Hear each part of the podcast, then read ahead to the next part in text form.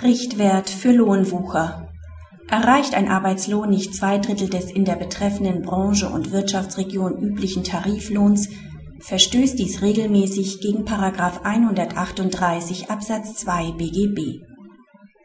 Die von 1992 bis 2002 als ungelernte Hilfskraft bei dem Arbeitgeber beschäftigte portugiesische Arbeitnehmerin erhält einen Stundenlohn von zunächst 6 D-Mark und später 3,25 Euro netto sowie eine Sachleistung in Form einer Wohnung samt Gemüsegarten auf dem Betriebsgelände.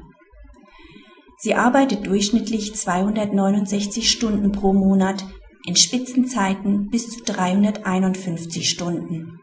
Für die Zeit von 1999 bis 2002 verlangt sie wegen Lohnwuchers eine Lohnnachzahlung auf der Basis der tariflichen Vergütung. Die Arbeitsvertragsparteien sind nicht tarifgebunden. Auf die Revision der Arbeitnehmerin hin hebt das BAG die Entscheidung des Landesarbeitsgerichts auf und verweist die Sache zurück.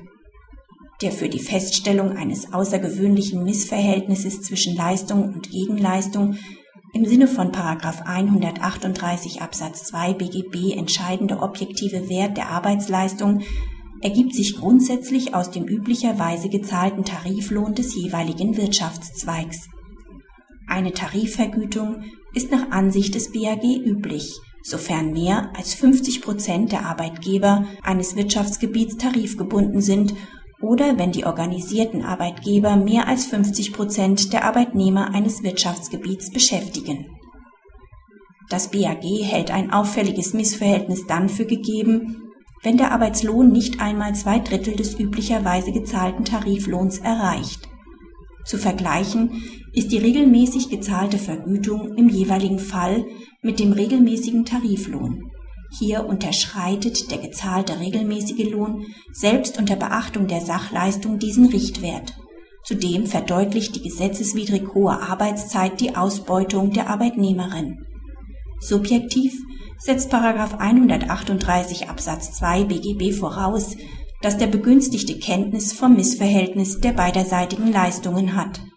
Dabei ist grundsätzlich davon auszugehen, dass dem Arbeitgeber die einschlägigen Tariflöhne bekannt sind Praxishinweis Das BAG übernimmt erstmals den bereits vom BGH gebilligten Richtwert für den Lohnwucher. Wird dieser unterschritten, springt das auffällige Missverhältnis nach Ansicht des BAG einer kundigen Person ins Auge. Nur im Einzelfall können die Gesamtumstände zur Rechtfertigung einer solchen Lohnabrede führen. Der Arbeitgeber hat zu beachten, dass auch eine zunächst wirksame Entgeltvereinbarung wucherisch werden kann, wenn sie nicht an die allgemeine Lohn- und Gehaltsentwicklung angepasst wird